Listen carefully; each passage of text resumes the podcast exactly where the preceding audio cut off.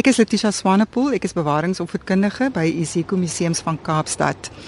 Uh, ons staan nou hier in die bopunt van die tuine Goewermentslaan. Dis omtrent so 890 meter van onder uit Adeliestraat en hierdie Goewermentslaan was natuurlik 'n rivier gewees, die Vars rivier wat tot van Tafelberg af tot onder in die baai geloop het. Nou aan weerskante van Goewermentslaan is daar slote met water van die ou Vars rivier. Nou ons staan spesifiek nou hier by die leeuhekke. Nou waar kom die leeuhekke vandaan? Ja. Jy weet Simon van der Stel is opgevolg deur sy seun Willem Adrian van der Stel. So dis nou net hier na 1700.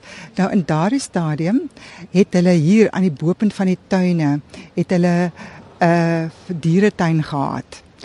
En hulle het bokke aangehou, hulle het voëls aangehou, maar hulle het ook leeu's aangehou en nog ander diere. Maar natuurlik kan die bokke en die leeu's nou nie almal binne een omheining gewees het nie. En hulle omheining was nou nie 'n wildheining soos vandag nie. Dit is 'n geboude wit muur met openinge in gewees. Toe het hulle in die middel van die dieretuin het hulle 'n muur gebou. En aan die een kant het hulle die eh, wilde diere gehou, soos die leeu's en die luiperds. Hulle het natuurlik gepraat van tiers. En aan die ander kant het hulle die voël en die bokke gehou.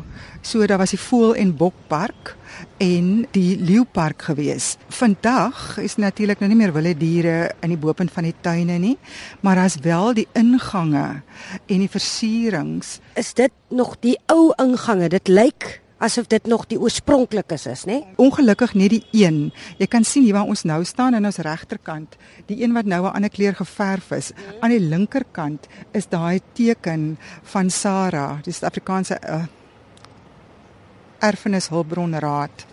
En dan gaan jy sien daar lê twee wyfie leeu's aan weerskante. So dit is die oorspronklike ingang en dit was die ingang tot die park van die wilde diere.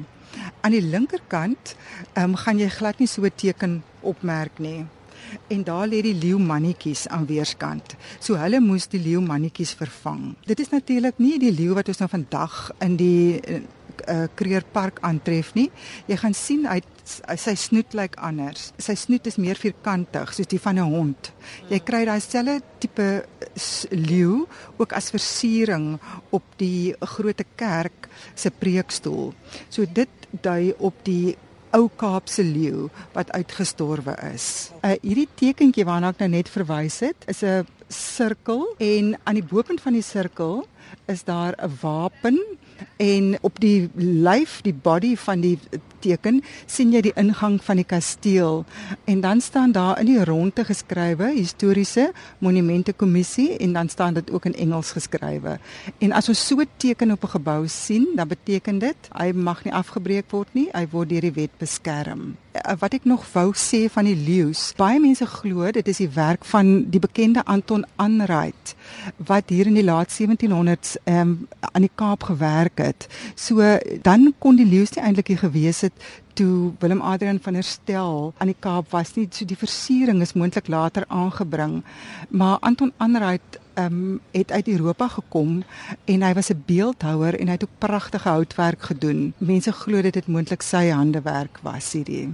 Ons staan nou voor 'n gebou wat ook vir my nogal oud lyk. Watter gebou is dit? Heidi, as jy nou deur hierdie leeuhekke loop waar die leeuwyfies aan weerskante lê, dan kom jy um, op die terrein van die Universiteit van Kaapstad en daar staan een van ons min Egiptiese geboue in Suid-Afrika. Jy weet daar's hier en daar 'n gebou wat volgens die Egiptiese boustyl opgerig is. Dit is deel van die drama departement van die Universiteit van Kaapstad, maar ook 'n pragtige pragtige historiese gebou. As jy deur die na die ander kant deur die hekke loop met die twee leeu mannetjies aan weerskante, dan uh, kom jy op die sportveld van die um, Cape Town High School. Dit is area wat gebruik word, maar jy weet, die voels was natuurlik in koue en die bokke het net maar rondgewy hierso en so neem ek aan die leeu's ook maar net aan die ander kant uh, of aan die volgende park maar mense het skynbaar of blykbaar op Sondag het hulle opgestap in die tuine en dan het hulle deur gate in die muur